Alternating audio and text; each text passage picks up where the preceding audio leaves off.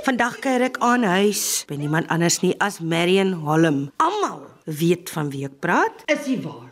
Dit is waar en sy's gewoonlik skreeu snaaks. Jy het haar al beleef in 'n teater, by 'n konsert, waar ook al. Al het jy haar net raak geloop. So ek sit in haar huis en wat my oog nou vang is sjokoladeballetjies. Ek weet ek is hier om oor dit te praat nie, maar ek is nuuskierig. Ek is so jammer dat ek vir jou ook balletjies gekoop het.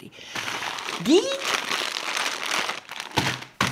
is nou malted puffs, né? Nee? Nou praat ek van hulle is maltesertjies. Ek was gister gou-gou by my onkoloog op Makkiesak hoe lank gelede jy waterpokkies gehad het, nie, want dis nou wat ek dit noem. Dan bly jy mos nou maar by daai ene om altyd te check dat alles wel is. Toe gaan ek gou-gou gister daar verby om te hoor waarvan hou hy baie, want sy ma is oorlede. Die rede hoekom ek nou vir jou dit alles so vertel en nie net vir jou sê dis 'n geskenk wat op die tafel lê nie, want ek het saam met hom groot geword op Kuilsrivier. Voor ek op Kuilsrivier gebly het, is ek gebore op Woester. Op Kuilsrivier was George Loots in dieselfde straat as ons gewees. Sy ma, Tannie Selma wat nou oorlede is, my ma, Nakkie, Tannie Sunny Kutse, Nathaniel se ma, Tannie Marie Hulle vier was die Bargain Hunters van Kuilsrivier. Ambel tannie Selma, my ma. Die ma sit nie gewerkie. Hulle werk was om uit te kom met pa se salaris. Mm. My pa was 'n uh, staatsamptenaar, né? Nee? So my pa se salaris was nie groot nie. Dan bel tannie Selma en sê sy: "Nakkie, uh, uh, wil jy saamry?"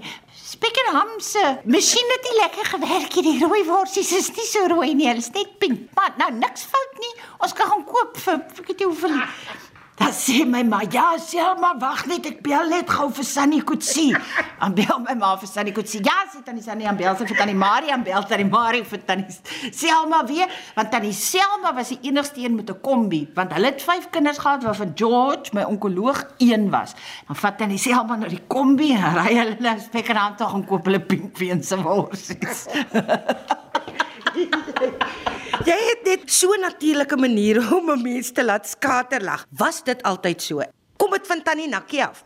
kom deels van Tannie Nakkie af my ma het 'n fantastiese sin vir humor gehad, maar my pa ook. My pa het uh, so 'n Engelse sin vir humor gehad. Wel deel van die Holm familie is Engels. Ken jy die Meyer-Briggs persoonlikheidstipe? Uh Jung het dit begin en Meyer-Briggs het dit voltooi. Dit het vier pilare, maar maak nou nie saak hoe dit werk nie, maar die Meyer-Briggs persoonlikheidstipe wat ek is, se ding, ek weet nie wat mense noem nie, is masker. O, die ander ding van ons persoonlikheidstipe is ons haat konfrontasie. Ek wil net vrede en liefde eh, rondom my hê. Ek is ernstig, Heidi, dit is my absoluut onverdraaglik. Ek 'n televisiereeks of 'n ding kyk waar daar geweld in is. Al is dit net woorde wat mense teenoor mekaar gebruik. Dit maak my naar van ontsteltenis.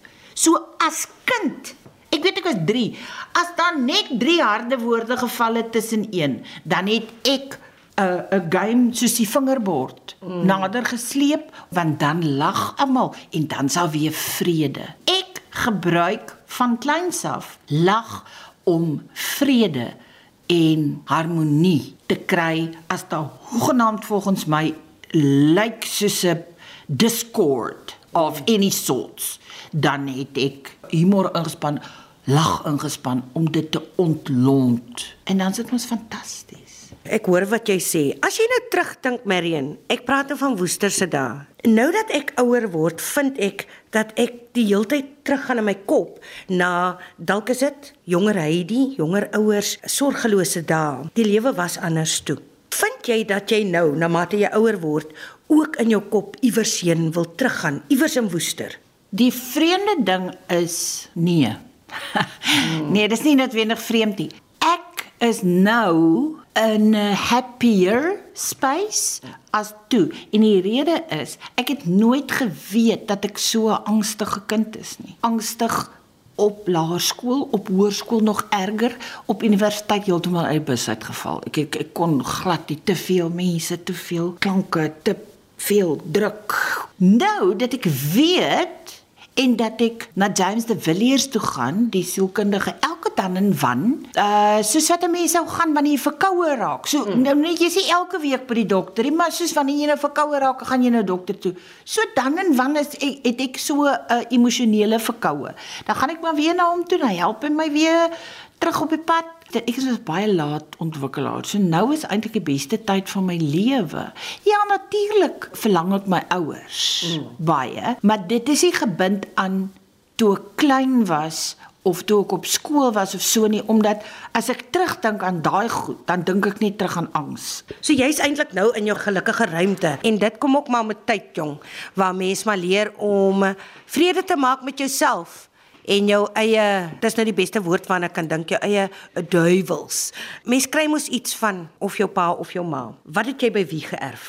Uh en en en watter waardes dra jy saam met jou van elk van jou ouers? Mm, ja, wonderlike vraag. Niemand het my dit nog gevra nie. Kom ons begin by hoe ek gebore. My ma was 40, dis 1965. 1965, weet jy of jy dit weet nie, maar het hulle nog nie iets gehad soos 'n neonatal ICU nie. Of wat noem mense? Pediatriese ICU. As daar probleme was met die geboorte, was dit 'n probleem met 'n hoofletter geskryf. Het hulle klaar gedink daar gaan iets fout wees met die kind, want dit was hoe dit daai jare was, nê? Ja. Toe dit by die geboorte kom, toe is daar probleme. Ernstige probleme. Toe moes my ma 'n noodkeisersnee kry. Daai jare is dit nie 'n epiduraal nie. Dis 'n volledige narkose. Jy's uit en toe is ek amper dood by geboorte. As die ma die kind optel net na geboorte, sit hier twee kliere in die frontale lobbe wat geaktiveer word in die ma en in die kind en daar's die band met daai jare is jy weggevat van jou ma.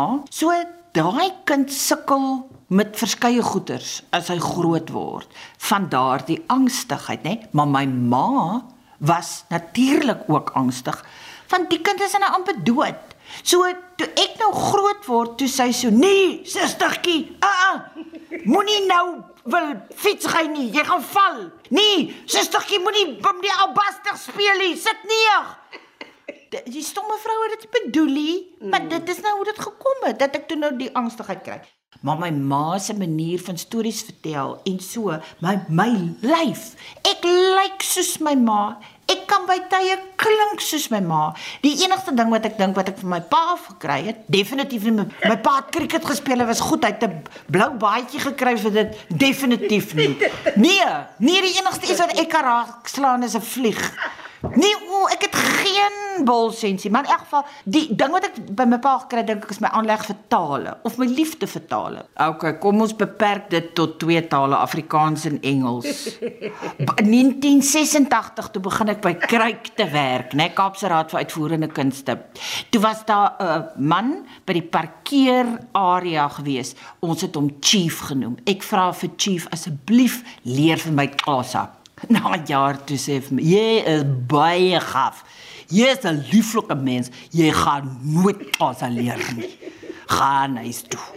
Nou ja, so ek het dalk nie 'n aanleg vir tale nie. Ek kan dalk net Afrikaans en Engels, soos my pa besig. O, oh, skus maar wat ek ook van my ma gekry het is my ma se liefde vir kos maak. Deel daarvan is dan hoe sy kos gemaak het. Wie weet hoe my ma groot geword het. Ja, ja, ja. My ma is nie in 25 gebore. 1927 toe gaan haar pa dood. Hulle ses kinders. Hulle bly op 'n plaas in die Namakoland. Haar pa het op die plaas gewerk. Was nie hulle plaasie. Doet hulle niks. My ma, ek het vir haar gevra, skryf vir my jou storie voordat sy nou te oud geword het en nie meer kon onthou nie. Na eie handskrif met 'n potlood en 'n swart armbandboek het sy vir my geskrywe. Sy en haar broers het veldkosse gaan bymekaar maak. Dis waarvan hulle geleef het. As hulle vleis gehad het, once in a blue moon Heidi, was dit 'n skilpad wat hulle in die veld gekry het. Hulle het gaan hout bymekaar maak op hulle koppe. Hulle was so arm gewees. En dit het gemaak dat my ma 'n ongelooflike waarde geheg het aan kos. Sy skryf in haar boekie, sy sê dit klink nou swaar jare, maar dit was lekker. My maate waarde aan kos jy mag, sy sal vir jou ge kom sê geslaan het. Hart as jy sê sis vir kos. Jy praat nie so van kos nie. Jy trek nie jou neus op nie en jy eet wat op jou bord is. Okay, nou is my pa mos 'n staatsamptenaar is nou ook nie asof hy Rembrandt van Ryn besit nie. So my ma kon met een stukkie vleis 'n breedie kook vir die hele gesin. Koolbreedie of wat uit die tuin uitkom my oupa, hy het 'n groentetuin gemaak op Woester. Dan sal nou ehm um, groenboontjies of vleistomaties. Het met al daai goed het sy kos gemaak. Min vleis, baie groente en my ma het altyd gesê as jy my begrawe, sit net op my graf lepels dat as die opstanding kom, ek kan begin skep vir die mense. Nou ek is so lief vir gewone kos maak, gewone kos, maar my groot kiek in die lewe is as sê nou maar jy het nou die storie kom doen. Nou raak dit 'n bietjie later in in hier kom nou iemand aan wat nou vir jou iets moet kom afgee en die ene sit nou ook in. Nou raak dit 'n bietjie later en hier kom sê net maar Margit aan sy te boek nog van my wat sy moet kom afgee. Nou sit hier half 6 se kant. Nou sê ek maar kom ons eet iets want dit is nou aandete tyd. Nou maak ek die kas oop. Nou kyk ek wat ek kan maak. O, dis my groot liefde. Daar rek ek mos so. Dis die grantie. Maar ons almal eet saam en ek gooi nie kos weg nie. As daar 'n stukkie oorgebly het van iets. Ek het een keer het ons prons persent gekry. Toe maak ek nou dit gaar vir my Amerietjie. Toe bly daar een pront oor. Enige ander mens sou die ding in sy mond gesit het te kla gekry het. Mm -mm. Ek het gaan kyk, daar's 'n vrou op YouTube Fatima se cuisine. En toe maak ek daai resep van die vulsel wat sy gebruik in half moons. Toe maak ek dit met een en toe maak ek deeg en ek rol dit uit. Ek het nie 'n masjien nie. En toe maak ek ravioli. Toe eet ons daai aand ravioli. Sal ek vir jou sê van een pron. So basies weet jy hoe om rande te rek. Baie van my gesprekke met mense eindig altyd op by kos, want kos is net so 'n uh, hartsting man. Ek hou daarvan as mense gesels oor kos.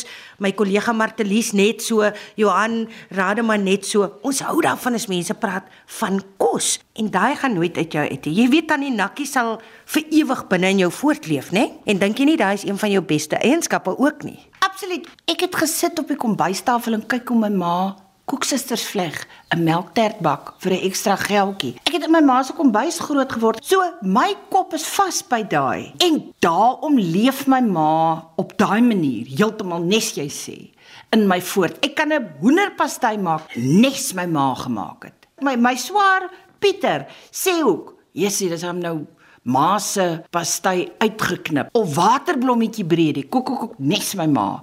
Ek vra altyd vir mense dood eenvoudige ding. Is jy gelukkig waar jy nou is in jou lewe? Jy het vroeër gesê ja, jy is. As mense al soveel dinge gedoen het, glo ek daar's altyd een droom wat mens nog nie by uitgekom het nie. Dink jy daar's een grootte vir jou of klomp kleintjies? Weereens uh, gaan dit nou seker klink of ek absoluut geen ambisie het nie. Maar 2016 het ek mos nou die siektes gehad. En dit het vir my geruk tot by die punt van jy kan maar beplan. My 5 jaar plan is om net elke dag te lewe want ek weet nie wat gebeur môre nie. Het ek drome? Ja, ek het een droom, maar dis meer van 'n fantasie want dit gaan soos nie gebeur nie. Dis net 'n droom. Daar Mooly Point is daar die Millionaires Mile. Heidi, ek wil daar bly in 'n woonstel.